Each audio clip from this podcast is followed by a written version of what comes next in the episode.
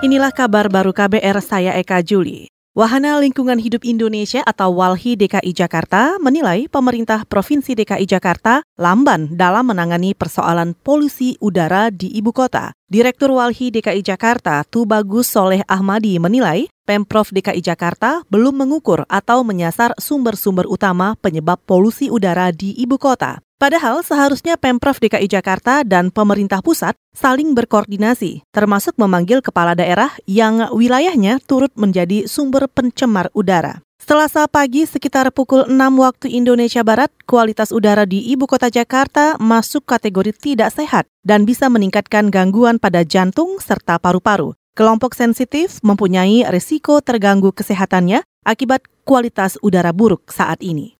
Saudara, pagi ini nilai tukar rupiah yang ditransaksikan antar bank di Jakarta bergerak melemah 14 poin menjadi 14.034 rupiah per 1 dolar Amerika. Sementara indeks harga saham gabungan balik menguat pada pembukaan perdagangan hari ini. Laporan selengkapnya disampaikan jurnalis KBR Sadida Hafsyah dari Gedung Bursa Efek Indonesia Jakarta. Silahkan, Sadida. Baik, Saudara, indeks harga saham gabungan atau IHSG pada Bursa Efek Indonesia di Jakarta selasa pagi ini dibuka menguat 18,5 poin atau 0,29 persen ke level 6.317,573. Setelah kemarin ditutup melemah 0,41 persen atau 26,20 poin ke level 6.299,03 dari level penutupan perdagangan sebelumnya. Zona hijau masih berlangsung hingga setengah jam kemudian dan menetap di kisaran 6.300-an. Penguatan juga terjadi di berbagai bursa utama Asia seperti Nikkei 225 Tokyo, Hang Seng Hong Kong, Shanghai Composite Index, dan Straits Times Singapura.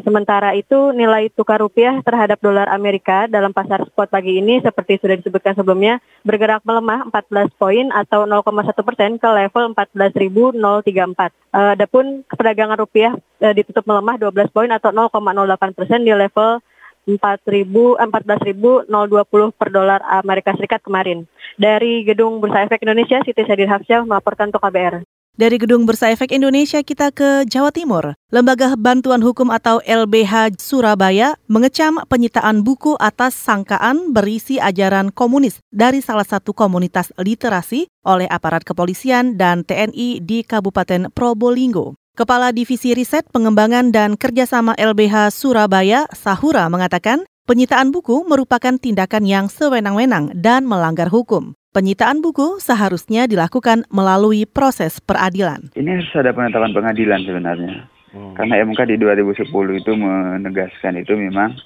bahwa melarang buku itu nggak boleh sepihak.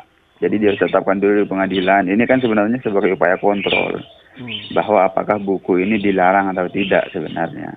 Hmm. Nah sebenarnya kan buku-buku begini juga janggal juga kalau disita karena di beberapa di termasuk di perpustakaan nasional itu itu ada juga buku-buku soal komunis itu sebenarnya. Kepala Divisi Riset Pengembangan dan Kerjasama LBH Surabaya, Sahura menambahkan, penyitaan buku dianggap membatasi kebebasan berpendapat. Untuk itu, LBH Surabaya meminta kepolisian Probolinggo segera mengembalikan buku-buku yang disita tersebut. Sabtu pekan lalu, saudara, TNI dan Polri menyita buku milik Vespa Literasi Probolinggo karena dianggap berisi ajaran komunis. Kita ke informasi mancanegara. Korban meninggal dalam kerusuhan di penjara kota Altamira, negara bagian Pata, Brazil, bertambah menjadi 57 orang. Peristiwa berdarah itu terjadi akibat pertikaian dua kelompok geng, Komando Crazy A dan Komando Vermelho atau Red Command. Kebanyakan korban meninggal karena terjebak di sel yang terbakar. 16 orang tewas di Pancung. Napi bahkan sempat menahan dua sipir, tetapi akhirnya dilepaskan. Kementerian Hukum Brazil menyatakan mereka sedang mengusut siapa dalang kerusuhan itu. Saudara demikian kabar baru, saya Eka Juli.